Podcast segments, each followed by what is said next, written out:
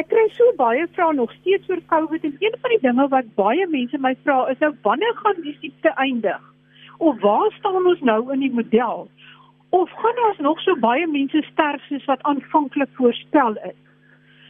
Nou, dit lyk of die voorspellingsmodelle vir COVID sterftes in Suid-Afrika en selfs in die wêreld moontlik geheel en al oorskat is. En mens vra waarom 'n groep aktuariëse, ingenieurs, dokters en ander beroepsmense het hulle kundigheid saamgevoeg in PANDA, dit is Pandemic Data and Analysis. En hulle baseer hulle voorspellings wat uitsonderlik in die kolles op 'n baie spesifieke S-kurwe model. Nou my gas vandag is dokter Piet Straiger. Hy's nie 'n dokter nie, maar hy het sy doktorsgraad in ingenieurswese en hy's een van die lede van Panda. En hy gaan verduidelik hoe hierdie voorspellingsmodelle werk.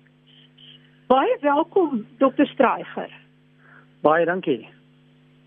Goed, kom ons begin by die begin en dit is oorspronklik het hulle voorspel en dit is uit die Suid-Afrikaanse mense wat saamgewerk het en die regering geadviseer het dat ons gaan draai by tussen 80000 en 320000 sterftes. Maar dit het dit later aangepas en dit lyk of dit nog steeds te hoog is. Die aanpassing wat hulle gemaak het was na 44000. Verduidelik vir ons wat is julle voorspelling? Waar dink julle gaan dit draai en op watse formule of watse aannames grond julle dit? Ja. So eerstens uh, die fout wat hulle gemaak het is 'n fout wat wêreldwyd ge gemaak is en en dit het uh, die veranderlike ehm um, uh wat ons noem vatbaarheid. Dit is hoeveel mense in die bevolking kan hierdie siekte kry.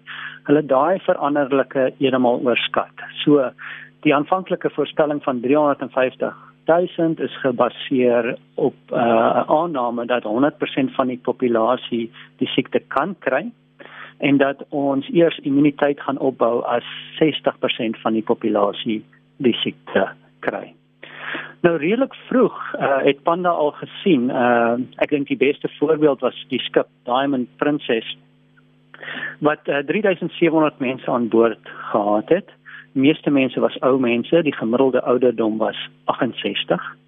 En uit daai 3700 mense het net 17% positief getoets aan die einde van die dag. En net 14 mense het gesterf. So ons kon al reeds sien op daai skip was die vatbaarheid veranderlike 17% en uit die totale populasie op daai skip het uh, 1 uit 260 mense gesterf. Nou wêreldwyd het ons nog glad nie 'n land gesien wat enigsins erger gegaan het as daai. Die area wat die naaste gekom het aan daai situasie is New York State. En in New York State het een uit elke 160 mense gesterf. So weer eens vir New York State was die vatbaarheid nog laer as 17%. En dan het Panda ook baie navorsing gedoen om te kyk hoekom verskil lande. Kyk, ons het nou al reeds 'n klomp lande wat deur die piek is. So ons het onsself die vraag gevra, hoekom gaan daar minder mense in sommige lande dood en meer mense in ander lande. Ja, want die veranderlikes Ja, Italië se sterftes was baie hoog geweest. Ja. So Italië gaan opeindig met so 38 duisend sterftes in totaal. En Italië is 'n land van 'n soortgelyke bevolking as ons. Hulle het 60 miljoen mense, ons het so 58 miljoen mense. Nou die rede hoekom Italië so baie sterftes gehad het, ehm um, is omdat dit 'n baie ou bevolking het. So ons het gevind dat uh eh, 27% van die variasie tussen lande word verduidelik deur die ouderdomsprofiel. So Italië het byvoorbeeld meer as 20% van hulle mense is ouer as 65 jaar. In Suid-Afrika het ons net 6% van ons bevolking wat ouer is as 65 jaar. En dan is daar 'n tweede faktor wat uh, lande affekteer en dit is uh, ons noem dit die higiëne faktor en dit is as 'n land baie oor, oordraagbare siektes het dan is die land ook eintlik beter af en meer weerstandig teen nuwe siektes. So in ons land het ons baie oordraagbare siektes en is dieselfde vir die res van Afrika in terme van HIV en uh TB. Ehm um, so dit tel ook eintlik in ons in ons guns. En dan is daar uh die laaste faktor wat 'n groot verskil maak is uitgawes op gesondheidsorg. So as 'n land baie geld bestee per persoon op gesondheidsorg, dan word hy ook erger getref deur hierdie virus. En die rede daarvoor is hierdie virus val mense aan wat uh deur die staat aan die lewe gehou word. So dit is mense wat reeds siek is wat miskien sou doodgaan as hulle nie toegang gehad het tot medikasie. So jy sal vind in die ryk lande het kan hulle bekostig om 'n klomp mense aan die lewe te hou met duur medikasie. En dit is juist hierdie mense wat die mees vatbaarste is vir uh vir COVID so gebaseer op al daai faktore het Panda net die vraag gevra aan die begin jy weet ons kan nie sien dat daar veel meer as 10000 mense gaan sterf nie. En dis nie 'n voorspelling nie dis net 'n vergelyking met ander lande. En ons het die offisiële modelleerders gevra hoekom dink hulle meer mense gaan sterf in Suid-Afrika? En uh tot op datum het hulle nog nie vir ons 'n uh, 'n antwoord gegee wat wat wat vir ons maak nie. So ons syfer van 10000 soos ek sê is nie 'n voorspelling nie, dit is gebaseer op wat gebeur, wat het gebeur in ander lande uh en uh dis waarop dit dit gebaseer is. Kan jy net vir ons bietjie meer verduidelik? Jy gebruik die Gompertz kurwe. En dit is 'n groot kurwe wat sê aan die begin gaan dit stadig, dan gaan dit op 'n tyd vreeslik vinnig en dan gaan dit weer stadiger is is ek reg dat dit so S-vorm maak. Ja. So hierdie kurwe werk baie goed vir korttermyn voorspellings. Uh want soos jy sê, die siekte gaan deur fases, dit gaan deur 'n eksponensiële fase en ons sien byvoorbeeld die Weskaap het opgehou eksponensieel groei hierso teen die einde van Mei. En dan die Oos-Kaap het opgehou eksponensieel groei hierso teen die einde van Junie en dan Gauteng groei nog steeds eksponensieel, maar ons verwag dit gaan een of ander tyd nie meer eksponensieel groei nie. En dan die volgende fase is waar die groei dan stelselmatig afneem totdat jy op 'n punt kom waar jy elke dag minder nuwe gevalle kry en elke dag minder nuwe sterftes. En dis waarna ons verwys as die as die piek. So jy kan 'n voorspelling maak van wanneer jy by die piek gaan uitkom sodra jy na die eksponensiële fase is. En dit het ons gedoen met die Weskaap. So uh, op die 12de Junie het ons voorspel dat die Weskaap 'n piek gaan tref in terme van sterftes elke dag en ons het gesê daai piek gaan getref word tussen 23 Junie en 7 Julie. En die vlak waarop dit gaan gebeur is tussen 44 sterftes per dag en 59 sterftes per dag. En dit het presies so uitgedraai. Hierso so tussen 20 en 24 Junie het die Weskaap gepiek op 'n gemiddeld van 52 sterftes per dag en vandag is dit alreeds af na 45 sterftes 'n dag. So ons kan daai uh, metode gebruik vir ander provinsies, maar soos ek sê dit dit werk net met korttermyn voorspelling. So jy moet verby daai eksponensiële fase wees voordat jy 'n akkurate voorspelling kan maak. As jy net sê dat die Ooskaap ook nou verby sy eksponensiële fase is, wanneer verwag julle dat dit dan daar gaan piek? Ons gaan binnekort uh uh uh iets daaroor te sê. Uh soos ek sê, uh die Ooskaap is so 4 weke agter die Weskaap. Dit beteken nie die piek gaan noodwendig 4 weke agter wees nie, maar die punt waar hy van eksponensieel na 'n lineêre fase gegaan het, is so 4 weke 4 weke later, maar ons sal binnekort 'n akkurate voorspelling maak vir die Ooskaap, maar ons is nog nie vandag reg om dit te doen. As jy dan nou hierdie voorspellings kan maak, weet en dit is dit is baie duidelik as mens ook kyk na die grafieke waar die ek wil amper sê die regering se voorspellers het hmm. nog die grafieke eksponensieel laat opgaan en amper ja. nie ruimte gelos vir daai eksponensiële afplatting wat hy begin om stadig te begin afplat en ek praat nou nie van plat nie maar dat hy nie meer eksponensieel styg nie. Ja, hoekom het en julle het sekerlik die regering geadviseer, hoekom het hulle nie noodwendig geluister na julle nie? Ons ons is nie seker nie. Ehm um, ek dink een van die foute wat die offisiële modelleerders maak is hulle hulle beraam soort van 'n 'n boonste limiet. Ehm um, hulle voel hulle moet 100% seker maak dat dit wat hulle voorspel nooit minder is as dit wat werklik gebeur nie. Nou ons benadering was heel anders. Ons het gevoel dat jy kan 'n fout na albei kante maak en as jy 'n fout na enige kant maak, kan dit baie negatiewe gevolge hê. So ons uitgangspunt van die begin af was om ons voorspelling so akkuraat as moontlik te maak. Nou ons was ook al verkeerd, maar dan verander ons ons voorspellings en, en ek dink dis dis die tweede aspek wat belangrik is. Ek dink wel dat die offisiële modelleerders begin agterkom dat dat hulle voorspellings nie pas by die realiteit nie. En en my uh my vraag aan hulle is het, jy weet as hulle besef dit pas nie, dan moet hulle so gou as moontlik daai model verander. Dan is daar tweede moontlike rede, jy weet mense dink as jy as jy 'n oorskatting maak, is daar nou nie enige nadele nie. Daar's eintlik voordele want mense is dan meer versigtig in terme van die van die siekte. En daar vers, verskil ek ook.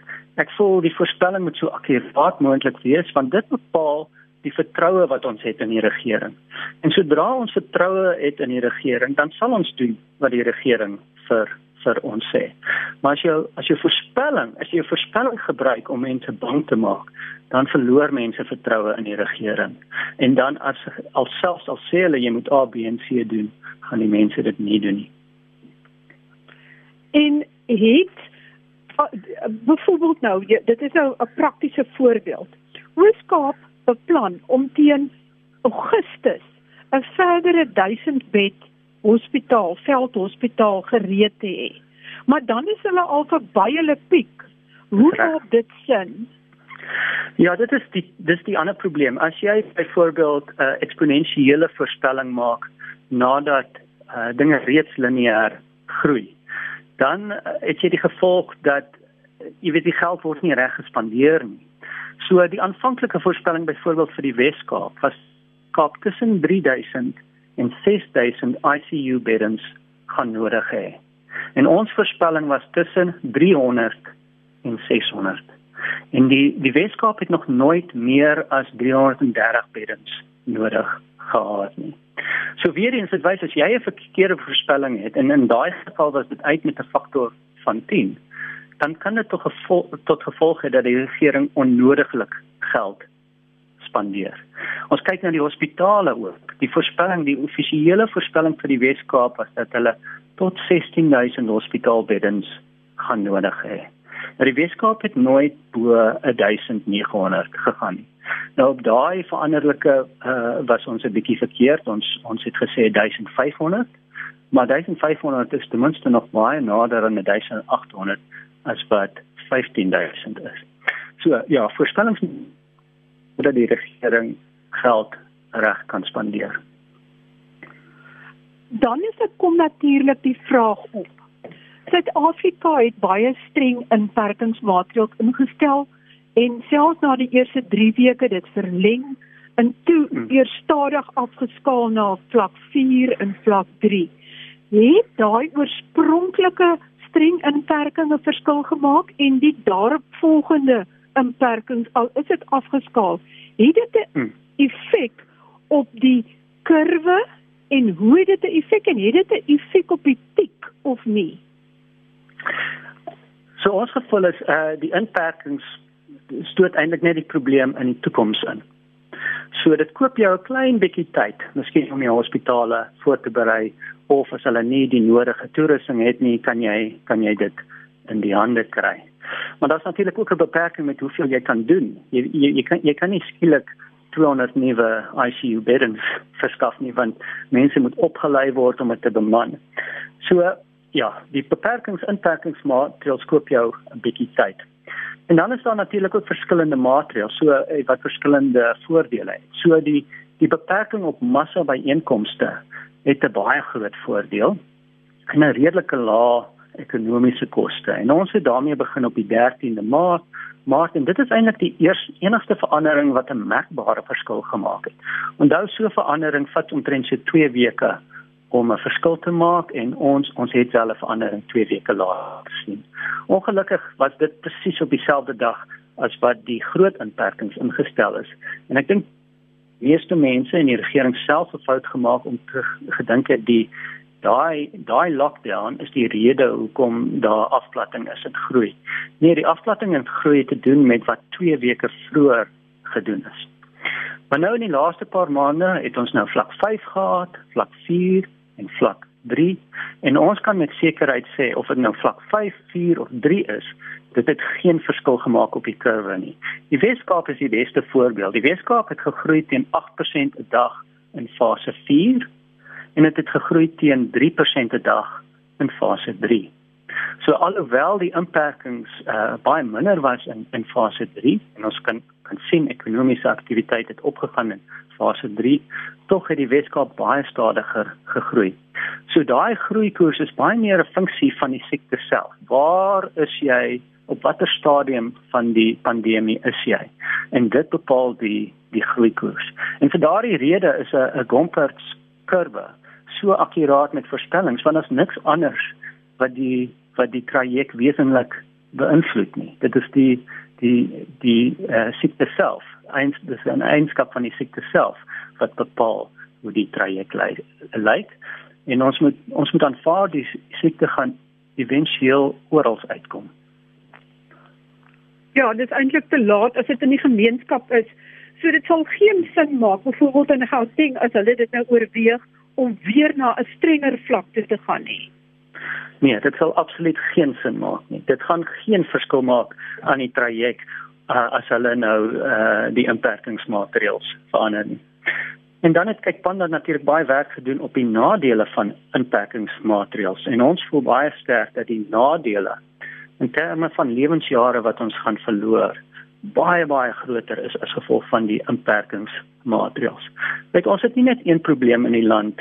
Uh, ons het nie net die probleem van COVID nie. Ons het ook probleme in terme van wanvoeding. Ons het probleme in terme van armoede, werkloosheid, selfmoord, dwelmmisbruik. Uh ons het HIV pasiënte wat by klinieke moet uitkom. En dan het ons ook mense wat kanker kry wat moet hospitaal toe gaan. So as hierdie goed nie gebeur nie, dan uh, gaan jy ook lewensjare ver, ver, ver, verloor.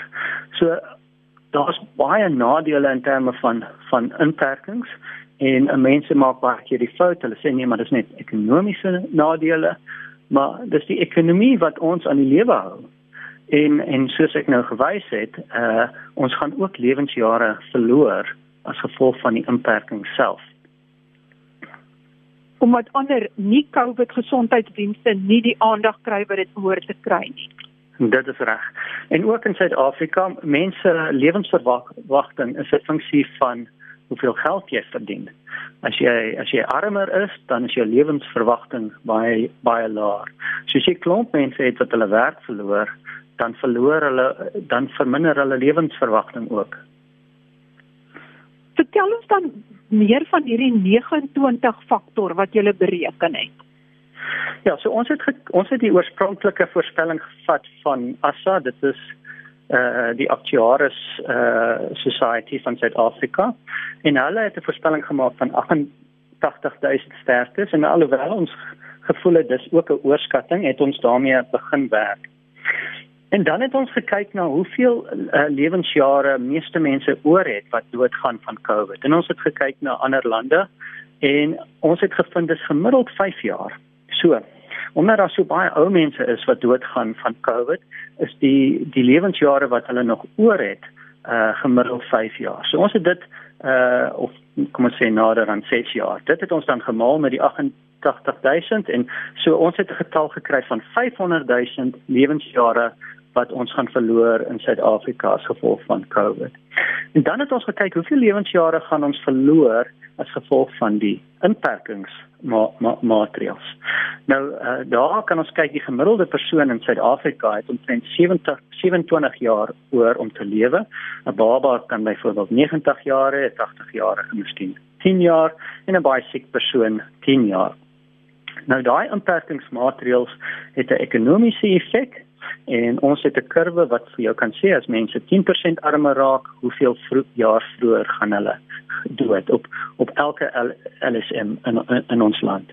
En aan die einde van die dag was ons berekeninge het gewys dat omtrent 5 ons gaan omtrent 15 miljoen lewensjare verloor as gevolg van die inperkingsmaatreëls self. En dit is 29 keer meer as die 500 000 uh uh um lewensjare wat ons verloor as gevolg van die siekte. Met ander woorde as sou jy sê terugskouend dat ons miskien net daai eerste 3 weke in inperking moes gewees het en daarna dit maar vergeet het daarvan of of selfs glad nie enige inperking nie. Ja, so ek glo nie daar moes ooit enige inperkings gewees het wat mense keer om te werk nie. Uh ek is ten gunste van die inperkings in terme van massa by inkomste. En dan ook al die aanbevelings in terme van hoe ver mense van mekaar uh moet bly gereeld hande was en selfs die die die dra dra van van maskers.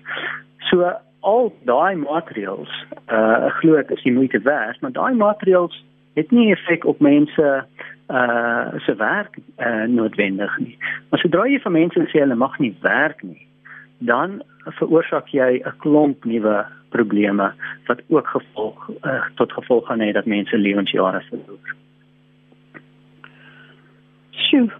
So ek wil ook net terugkom na nog 'n stelling. Julle berekenings was gegrond op 80 dae na die eerste geval of 50 dae na die eerste sterfte. Wat vertel ons meer daarvan hoe mens kan uitwerk hoeveel dae na die eerste geval of eerste sterfte die uh die aantal gevalle kan begin afplat? Ja. So dit is 'n berekening wat ons uh, redelik vroeg gedoen het. En uh op daai stadium was dit soort van uh die reeks waar waar lande piek, kom ons sê tussen 30 en, en 80 dae. Nou dat ons 'n paar maande later is, kan ons sien meeste lande kom op dieselfde plek uit na na so 105 na 110 dae. So sommige lande kom vinnig daar uit en ons praat nou van die die aantal gevalle per uh, per die populasie. So uh meeste lande be bereik 'n plafon so tussen 30 en en en 100 dae, maar die interessante ding is daai plafon vlak is tussen 0,2% van die bevolking van die land en 2% van die bevolking van die land en dit gaan nooit meer as 2% van die bevolking van die land nie. So daar daar is nie lande wat meer as 2% van die land as positief getoets het nie. So ons ons is redelik seker dat okay, as dit oral anders gebeur, is dit hoogs onwaarskynlik dat dit ook hier gaan gebeur. En daai plafonvlak, daai lae plafonvlak is 'n funksie van die vatbaarheid van die siekte. So daar's baie minder mense wat die siekte kan kry as wat hulle aanvanklik verwag het. En en soos ek genoem het van die skip, daarso was dit 17% en en ons het nog nie 'n land gesien wat naby 17% gekom het. Dit is baie interessant. Julle het ook voorspel dat die maksimum sterftes per dag tussen 44 en 59 gaan wees. Het is dit uh het was julle korrek in hierdie voorspelling? Ja, so dit is vir die Weskaap en soos ek uh, vroeër gesê het, dit het gepiek op 52 gevalle uh per, per dag 52 ja, maar 52 sterftes per dag in die Weskaap. Ja. En daar werk ons met 'n 7 dag gemiddeld en dit is nou al reeds af na 45 sterftes uh per dag uh gebereken op oor 'n 7 dae gemiddeld ja En um, goed, julle kan nou nog nie sê wat in Gauteng gaan gebeur nie, maar uh as dit soort van die ander die kurwes van die ander volg dan behoort dit ook nie oor te veel weke te wees wat dit begin uh om nie meer eksponensieel te groei nie. Ja, dis reg sien uh die eksponensiële fase uh van van die Oos-Kaap is omtrent 4 weke na die Wes-Kaap en die eksponensiële fase in in Gauteng was so so 5 weke na die na die Wes-Kaap. So uh dis dis nie 2 maande later nie. dit is jy weet miskien tussen 1 en 2 maande later. Anders. Ja, so dink jy wanneer dink jy kan ons begin asemhaal? Einde Julie, einde Augustus? Ehm um, ek dink die ding wat ons moet dophou in Gauteng nou is wanneer groei dit nie meer eksponensieel nie. So ons ons kan sien al die veranderlikes groei teen so 8% per dag. En dit is baie interessant uh, dit jy weet sodra dit nie meer eksponensieel groei nie dan plat dit redelik vinnig af. So dit gaan dan van 8% per dag na 7% per dag na 6% per dag na 5% per dag. Dis iets wat ons moet dophou in in in Gauteng. En soos ek sê vir die Oos-Kaap sal ons uh, binnekort uh, 'n meer akkurate voorspelling uh, maak. En daai piek waar jy die meeste aantal sterftes per dag het is baie belangrik want dit is die punt waar jou hospitale die volste is. Jy weet as jy kan bepaal waar daai punt is, kan jy bepaal hoeveel hospitaalbeddens jy nodig het en hoeveel ICU beddens jy nodig het. So daai is 'n kritiese uh, punt uh, in in in die traject van die epidemie. Dan daarna word die hospitale stadig leeg, know, as ICU beddens word stadig stadiger leeg en so vir vir die gesondheids ehm um, uh hoe sal ek sê die industrie uh, in hospitale is daai die punt waar dinge die ergste is en daarna word dit stadig beter. Nou die sterk kant van die traject is natuurlik baie langer as die as die oploop. So terwyl die hospitale baie vinnig vol word, uh na die piek word dit stadig leeg. So jou sterftes word ook stadig minder. Maar dit bereik daarmee piek. Ja. Baie baie baie dankie dokter Struyger. My gas vandag was uh, Dr Piet Struyger. Hy's 'n um, ingenieurs met 'n doktorsgraad en hy is 'n lid van PANDA, die uh, Pandemic Data and Analysis groep wat uit 'n groep beroepslui bestaan wat kyk na hierdie voorstellingsmodelle. Baie dankie Dr Struyger. En, baie dankie. En moet dan nie vergeet om volgende week in te skakel weer op gesondheidsake nie. Dan bring ons weer vir jou interessante nuus en interessante inligting. Tot volgende week dan. Groete van my, Marie Hudson.